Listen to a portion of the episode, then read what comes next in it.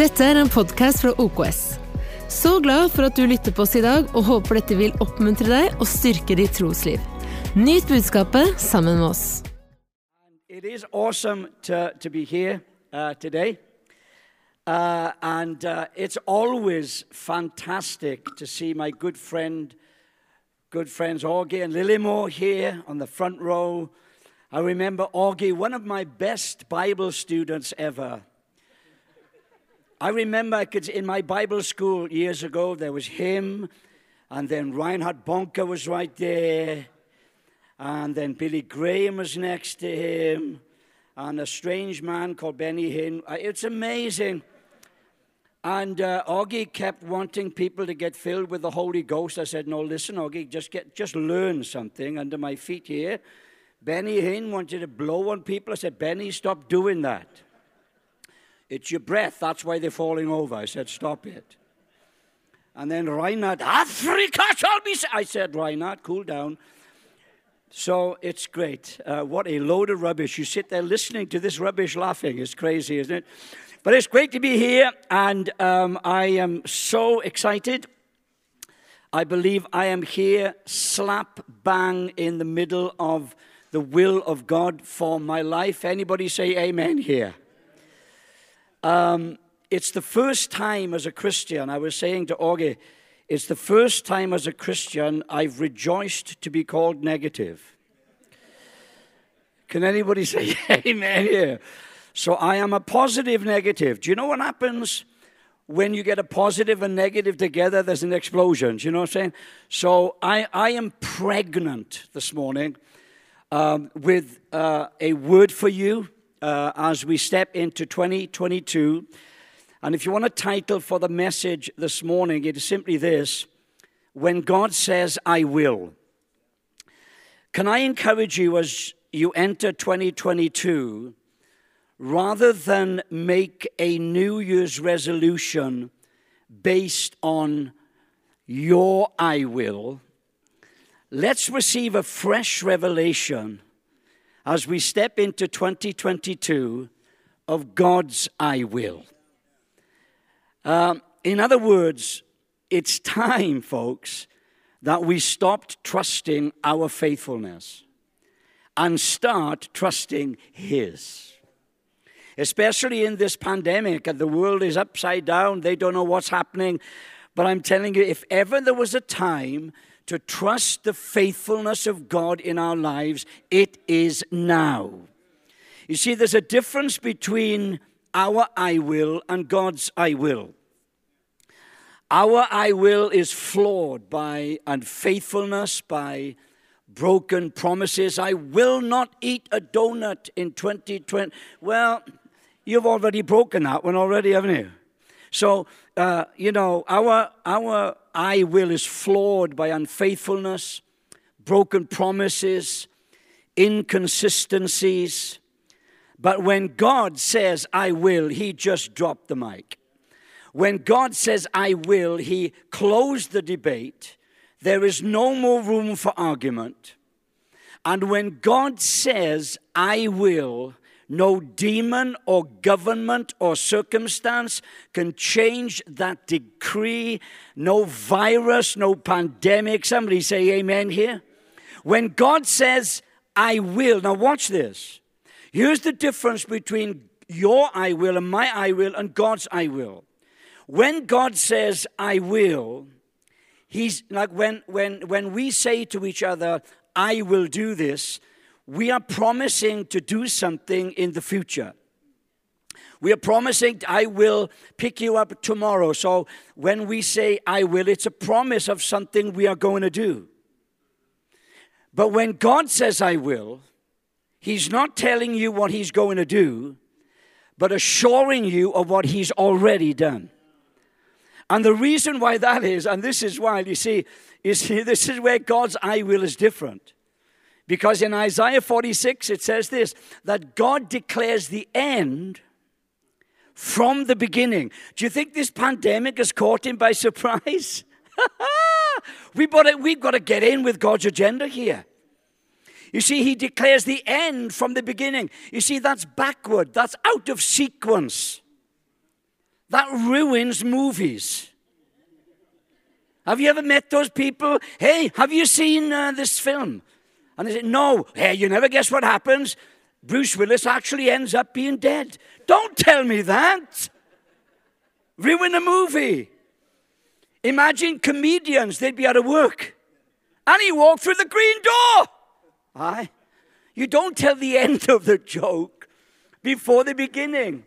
But I declare to you that God declares the end from the beginning. My God, I could spend four hours just on that verse right there. The sovereignty of God is not an excuse for spiritual laziness or an abdication of personal responsibility.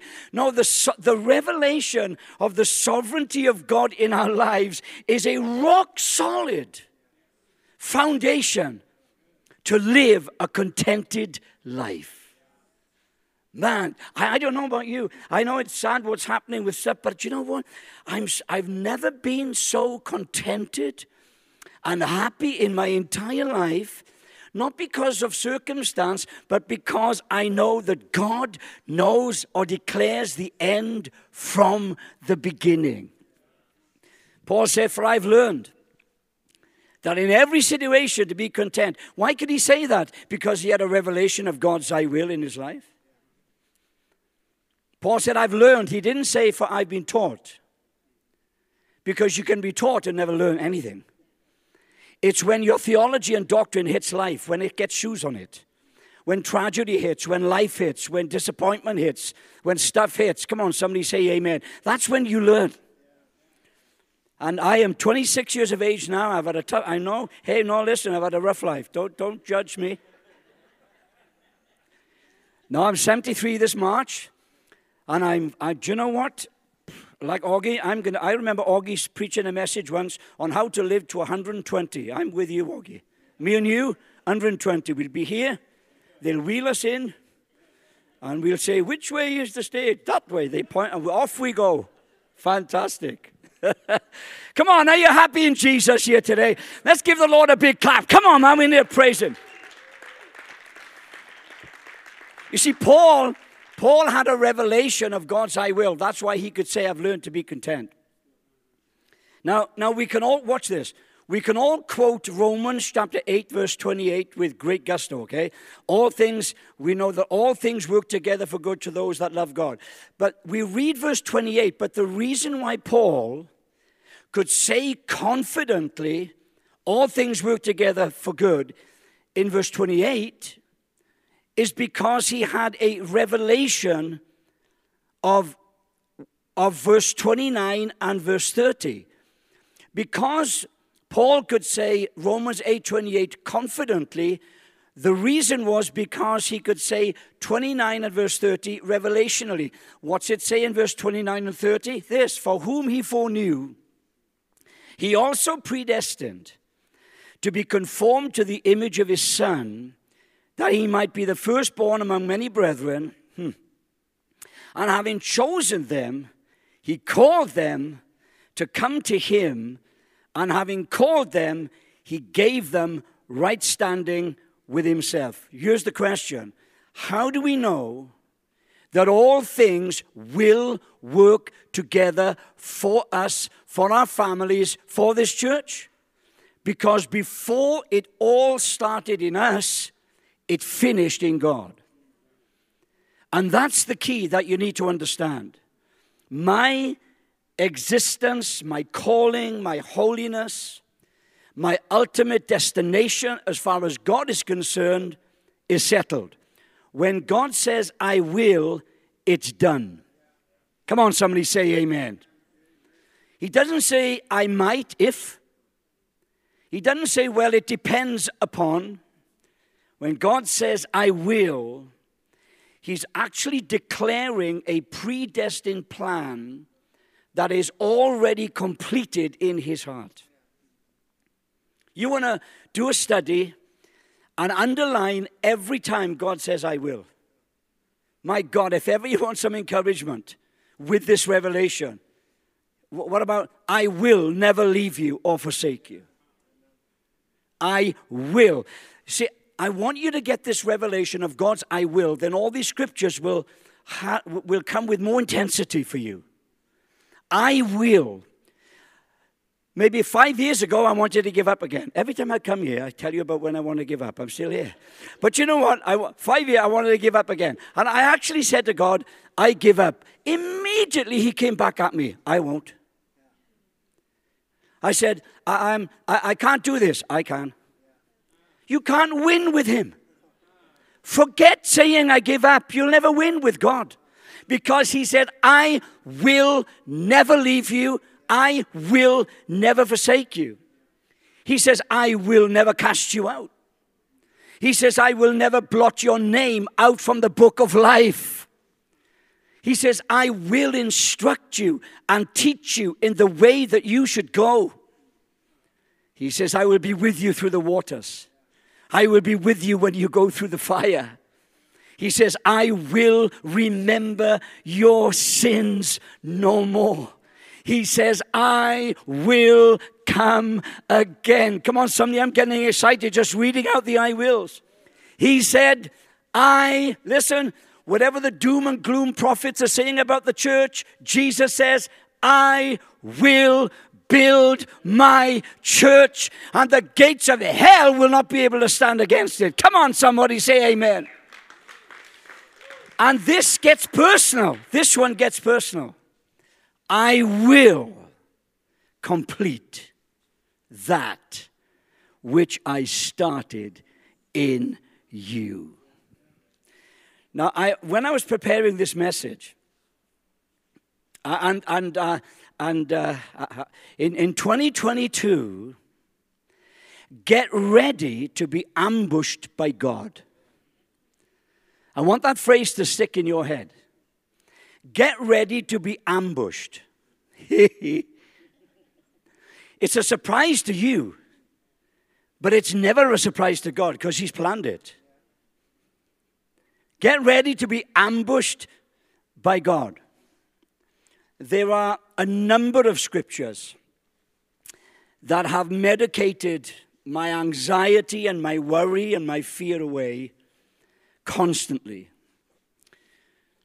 And at the same time, transfused high doses of contentment into my spiritual bloodstream. And one of them and I suggest there's a couple of scriptures I'm giving out today, and uh, you need to meditate on meditate on them. Revolve in your mind. And here's one of them. Proverbs chapter 16, verse 9. God says, We can make our plans, but the Lord ultimately determines your steps. I call it being ambushed by grace. And when you have a revelation of the scripture, do you know what it does for me? It delivers me from the fear of making mistakes. I've never made a mistake in my entire life. But you poor peasants, I understand, I can't relate to you, but there you go. This is for you. Listen, when you have a revelation of this verse, do you know why many people don't step out and do something? Because they're afraid of making a mistake. This scripture delivers me from the fear of failing and the fear of falling.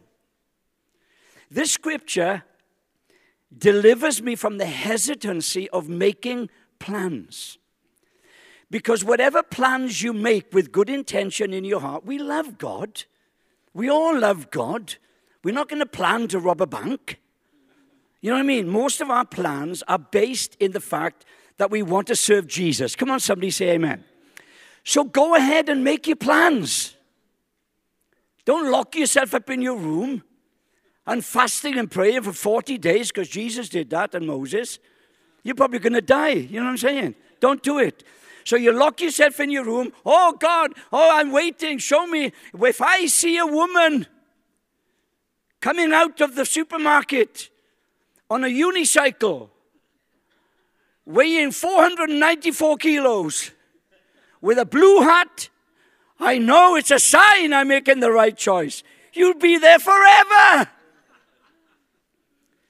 This verse actually says, go ahead and make your plans. Come on, somebody say amen. When I read this verse, when I, uh, I'll say a bit more about that later. The reason why is because ultimately, according to this verse, uh, God has the last say in our lives. Okay, when you get this revelation, I'm telling you, you will live such a contented life. And there are 75 reasons why this verse helps me. Number one, if you're watching at home, put the tea on now because you're not going to have time later. So I've condensed it to two, right? This revelation from this verse gives me contentment in two areas. First of all, now I know like I'm preaching ducks to quack, but sometimes we need to get back to basics. If we want to live a stress free life, if we want to live a life of contentment in Jesus, then the first thing that you've got to understand is how this verse will give you contentment concerning your salvation. I'm telling you, there's so many with this pandemic and stuff, people have uh, all sorts of stuff going on. Listen, there's another verse I want you to meditate on. It's Philippians chapter 1, verse 6 in the Amplified Version. Okay? I'm reading from the Amplified Version. Paul the Apostle is speaking, and he says this For I am convinced. And then he says, Sure. In other words, what I'm about to tell you there is absolutely no shadow of doubt in my heart that it's not true. What a way to live. He says, For I am convinced and sure, and then he says, and I'm going to mention the very thing that I'm sure about. Nothing can move me from this. No matter what happens in my life, no matter what my choices are, no matter what, nothing is going to move me from being convinced of this very thing. What's the very thing, Paul? He goes on to say, I love this, that he. Watch this. If your focus is on your faithfulness, you will never be convinced. For I am convinced that he. Oh man. That he. What are you convinced about what he will do then, Paul? He goes on. That he who began a good work in you will continue until the day of Jesus Christ, right up to the time of his returning. I'm convinced, no doubt, that he's going to develop that good work in me and that he's going to perfect it in me. He's not saying it's going to work out and I'm going to work out and, and it's going to be perfected because of my spiritual disciplines or my faith. No, it's He. And I'm convinced that He will bring it to completion. Somebody say amen in this house right here. Paul's confidence was not in the fact that his eternal security was dependent on what he had to do to maintain it. No, no, no.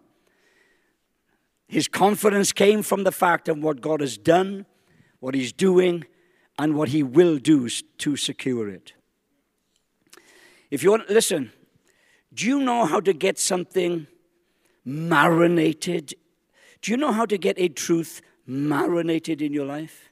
Like this one? You know, some, some people think, well, if I read uh, half the Bible in three months. Go ahead. That will not change you. I would rather meditate on a verse like this for three months until the truth of it embroiders itself into my makeup. Come on, somebody say amen here. And there are five words in this verse. I'm not, I'm not going to teach you. I'm, I'm, this is what Paul said.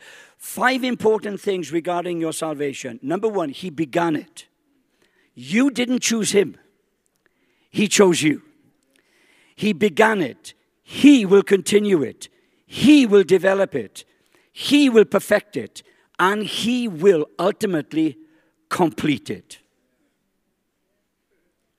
I look at my history as a Christian, as a minister. It's like a row of bond houses. Perfection? Are you serious? I've made some major mistakes. I've made some bad decisions. I've sinned. Ah, yeah. Don't look at me so holy, so have you. I've sinned consciously and I've sinned unconsciously as a Christian. I've decided to give up, I've decided to turn back. I've hurt people, I've been hurt by people. I've lied. I've manipulated sometimes out of self preservation and to protect my reputation. I failed relationally, I failed ethically. Ha! But one thing has remained constant in my life, and it's the very thing that Paul mentioned nothing can separate me from the love of God that is in Christ Jesus. Come on, if you believe that, I want you to give God praise. I'm preaching myself very happy here. And there's another area that um, the revelation of God's I will has impacted my life, and more so even now as I get older. I've only got, what, 50 years left to live? So I'm going to, I'm going to, unless Jesus comes before then. And that is my calling. That is my calling. I've discovered from personal experience that God's call, whatever, wherever it is, it's in the secular world, minister world, whatever it is, I, I've learned that God's call normally comes in the form of an ambush. This is why I mentioned get prepared to be ambushed by grace in 2022, okay? I mean, for instance, Thomas didn't expect to be pastoring this church. If I talked to him 15 years ago, he says, No, I want to be a famous rock star with lots of money. but you, you were ambushed, mate. God ambushed you you could make your plans, right? I mean, you had lots of plans.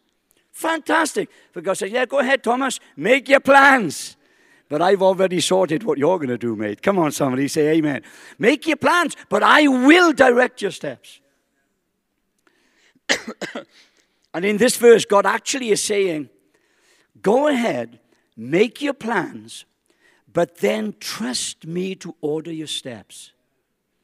Some of you are about to make some decisions in 2022. You've been praying about it, you've been waiting on God. God, no, God says, go ahead. Make your plans. But at the same time, say in your heart, but Lord, I'm prepared to be ambushed. Am I speaking to the right people here? In this verse, God actually is saying, Make your plans, then trust me to order your steps. In other words, God says, I will unexpectedly ambush your plans to order your steps. In other words, God says, make your plans. It's permissible. You're not disobeying me. You're not sabotaging your destiny. Because ultimately, my I will will kick in. And I will order your steps. I call it an unexpected interruption to our plans to order our steps. I should be in Canada right now. This trip to Canada was planned six months ago. I was to fly out, preach in two great churches in Canada. And then Thomas uh, contacted me, I think, in December, say, Ray, can you come on January the 9th? I said, Thomas, I'm so sorry, mate, but I'm in Canada. Okay. The night before, last week, the night before I was due to fly to Canada, the pastors contacted me and said, Coronavirus has knocked out half our staff and we've had to close our church down. The, so the Canada trip was cancelled. And I said, Oh, then the Lord said to me, You preach it, now you're going to live it. I said, What? I'm ambushing you. I said, Yeah, and I made lots of plans, and I'm not good with the technical tech thing. Fill in all the forms and the, the locator. What? And uh, stressful. And I made all the plans. And then God said, No, I'm ambushing you. He said, uh, he said uh, January the 9th, Oslo. Call Thomas. So I text him. He freaks out. Yeah, great, come. So I am here. Come on, someone. Are you getting what I'm saying here? I made the plans, but God ambushed my steps.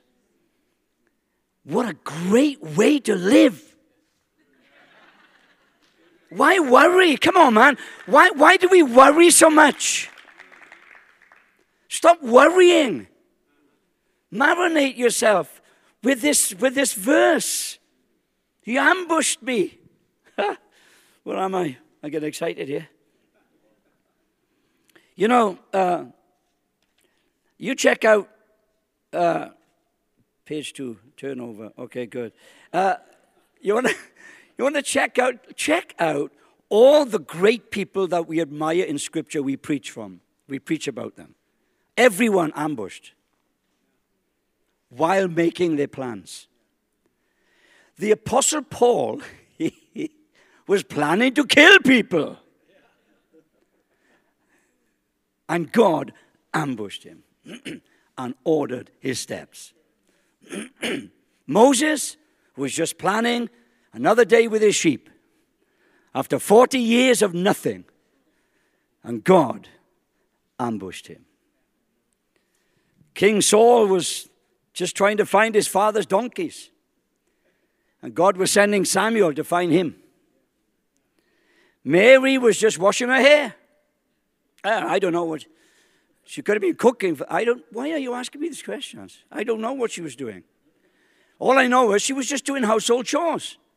She was not planning to become the conduit for the Son of God to come to earth. But God ambushed her. Hey, Mary, I want to borrow your womb for nine months, okay? Come on, somebody. Are you prepared to be ambushed in 2022? Seriously? What an exciting way to live. You get up in the morning, I made my plans, but who knows? God could ambush me. I could get a call. I could, someone could turn up. I could get a letter. I could drop dead. Either way, we win. oh. What about Jonah then? He was planning to run away. You can't un, you can't un, you, even what's name Bolt can't run faster than God. Eugene, is it? Jonah was trying to run away from God, ended up in fish hotel. You know the story. I've said this before. There were two ways out of that fish. that way, that way. I know which way I want to go. You know what I'm saying? But, Mo, but Jonah was pl- actually planning to run away. Is this helping anybody here? Is this instilling confidence in you in God's I will? Forget your I will. His I will is much stronger. David was planning to bring sandwiches to his brothers. He wasn't saying, well, I'm going to kill a giant today and become famous. No. But God ambushed him. The call of God, listen to me, is not about you. It's all about Him. Make your plans, and God will order your steps. I'm preaching myself so happy. I got a million ways to go here. But I, I, I think I, I'm, I'm, I'm just going to round it off. Oh, this, that's brilliant. All right, let me say this. Are you okay for time? Are we? Are we? Are? Listen, I'm loving this. Look, there's nothing else. What are you going to go skiing? Listen, when God says, I will, I don't know who this is for, but when God says, I will in your life, your genealogy is irrelevant. God uses 38 chapters in Genesis to reveal that Jesus' lineage was soaked in deception, prostitution, mass murder, incest, and human trafficking. Now, when you look at your genealogy, doesn't that cheer you up a bit? What's the lesson? Nothing can stop the purposes of God coming to pass in your life, including your genealogy. Galatians chapter 4, verse 4, it says, But when the right time came, God says, Go to his son. Don't allow your dysfunctional family or your dysfunctional lineage or your upbringing to disqualify you from what God has planned for you. You are not an accident. Psalm 139, one of my favorite Psalms, verse 15, 16, we know it. You watched me being formed in utter seclusion as I was woven together in the dark of the womb. God, you saw me before I was born. Bef- every, oh my God, every day of my life was written down in a book.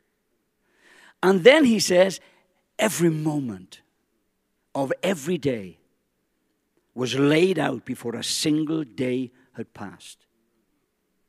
And you know what? When I look at Jesus' life and his lineage, and listen to this for Jesus, every detail of his life was written down in a book before they came to pass.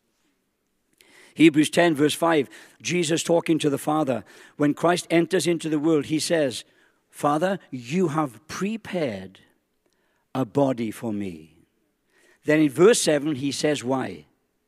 To fulfill what is written of me in the scroll of the book.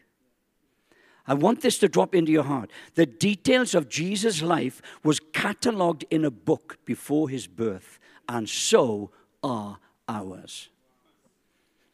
His birth, Micah verse, uh, chapter 5, verse 2. His upbringing was written in a book, Matthew 2, verse 23. His ministry base was written down in a book, before he was born, Matthew 4, verse 13 and 15. His ministry, the character of his ministry, was written down before he was born, Matthew 8. Even the entrance into Jerusalem on a donkey was catalogued in a book before he was born. Even when they played games at the foot of the cross was catalogued in a book on, in John chapter 19. Even the details of his death in Psalm 22 and Isaiah 53, death by crucifixion, which which was an unknown form of execution during the time the words were written. Come on, somebody say amen here. And the same applies to us. You know why? Because the Bible says, as He is, as He was, so are we in this world. Paul did not have the revolution, uh, Paul did not have the revelation that his life, if he didn't have the revelation of the I will of God in his life, he could never have said, I finished my course. Because you can only finish something to know you know what you've started. My God. Your life is not, I'm nearly through. Your life is not at the mercy of fate. Your life is not at the mercy of circumstance or people or demons. Verse Psalm 37, verse 22. I love this. We know it. Another verse to meditate on. The steps of a good man. And when it talks about a good man there, it talks about someone who has been made righteous as a gift. It talks about believers, okay? The steps of a good man are ordered by the Lord, and the Lord delights in his way. The word ordered there means directed, fixed, or ordained. The word delights there means busies himself with every step. So it should read like this The steps of a good man are directed, fixed, and ordained by God, and God busies himself with every step. God delights to get into your business. Oh man, I don't know. Uh, can I finish with this? Have I got five minutes? I've got five minutes. Are you okay for five minutes? No, I got to finish with this, right? I got to finish with this because it's brilliant. I was dancing around my study when I read this. To bring this, you know, I've thrown a lot of stuff out, okay? But this generation, every single believer on the planet, my God, are we living at a crucial time right now? We, the, the greatest move of God is on a doorstep. This place will be far too small to contain people. You know, this generation needs to have a Josiah moment. They need to have, what do I mean? Well, this guy Josiah became king when he was eight. Fancy being king when you're eight. I decree that every child will have ice cream for a year free. Anyway, it's just by the way. So he he became king when he was eight. Watch this. But when he was 26 years of age, he commanded a complete refurbishment of the temple in Jerusalem. It had, it had, it had, it had gone downhill. And during the course of refurbishing the, the temple, they found a book. It was the book of the law. The first five books of the Bible, Genesis to Deuteronomy, they found it. They hadn't been reading it, they hadn't been studying it, they found it. And when Josiah saw it, the Bible says that he tore his clothes and then he acted. He called Israel back to God based on the law. He read it publicly as it was commanded to do. He, he, reti- he, he fired or killed all the ungodly priests and he reinstated the Passover because he, he, he found this book. But the real motive for his personal passion in doing so is when it got personal. Because many historians believe that along with the first five books of Moses, they found another book. And this book had been written 322 years before Josiah was born. Not only had a revelation of how the nation should change as a result of obeying the law, but he also found a book revealing that he was the vessel to implement it. 322 years before he was born. 1 Kings 13, verse 1 and 2. Here were the words that Josiah read. At the Lord's command, a man of God from Judah went to Bethel, arriving there just as Jeroboam was approaching the altar to burn incense. Then, at the Lord's command, he shouted, O altar, O altar! This is what the Lord says A child named Josiah will be born into the dynasty of David. On you he will sacrifice the priests from the pagan shrines. Josiah read his own personal, prepared destiny 300 years before he was born. Imagine finding your a book that was written in the 1700s describing Oslo Christian Center with your name on it, describing the part you would play, describing how you would help build it. Imagine it. Josiah realized, huh, my life is not an accident. He read his pre planned destiny in a book, and from that day on, changed his life. This generation needs to have a Josiah moment because every single one of us was written, our names were written down in a book under one of God's I wills. And I've told you, when God says I will, it's done. And our names were written down in a book, and it was, and, and it was written down uh, 3,000 years ago by a prophet called Joel. And this is what he says It shall come to pass that afterward I will pour out my spirit on all flesh. Your sons and your daughters will prophesy. Your young men will dream dreams. Uh, you will have visions on my maid servants and my men servants. I will pour out my spirit in those days. Come on, folks. We are the I will generation. we are the I will. We are the I will generation of God. My God, what a way. What, what a way to step into 2022. Meditate on those verses I've shared with you today, please. How do you keep them alive in you? One, memorize them. Memorize it. Two, meditate it. Watch this. Three, mouth it. Speak it about yourself. God will never leave me or forsake me. What He has started in my life, He will complete. Mouth it. And watch this. Number four, model it. Live as if it's true. Because it is. Father, thank you so much.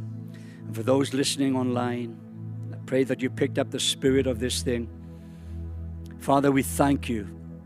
We thank you when you say, I will, it's finished before it started. Father, thank you for this security regarding our salvation, our calling, our lives. Thank you that our names were written down in a book. Lord, we rejoice because our name is written in a book when we die, the Lamb's book of life. But Lord, we should be rejoicing as we step into 2022 that our names were written in a book before we were born. Every moment. So, right now, with this revelation, dissolve fear in people's lives. Dissolve anxiety. Right now, I've, I've, I sense the Spirit of God dissolving stuff. Like when you put snow on a fire. Imagine this revelation doing that to your worry. Imagine that when it comes to your fears and your anxieties.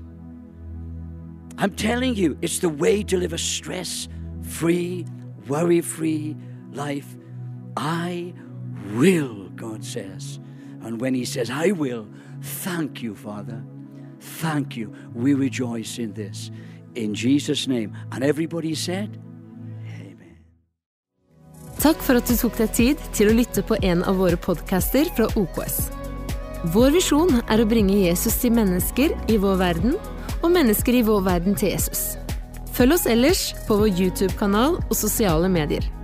Du er velkommen til å besøke en av våre kirker. For mer informasjon, sjekk ut oks.no.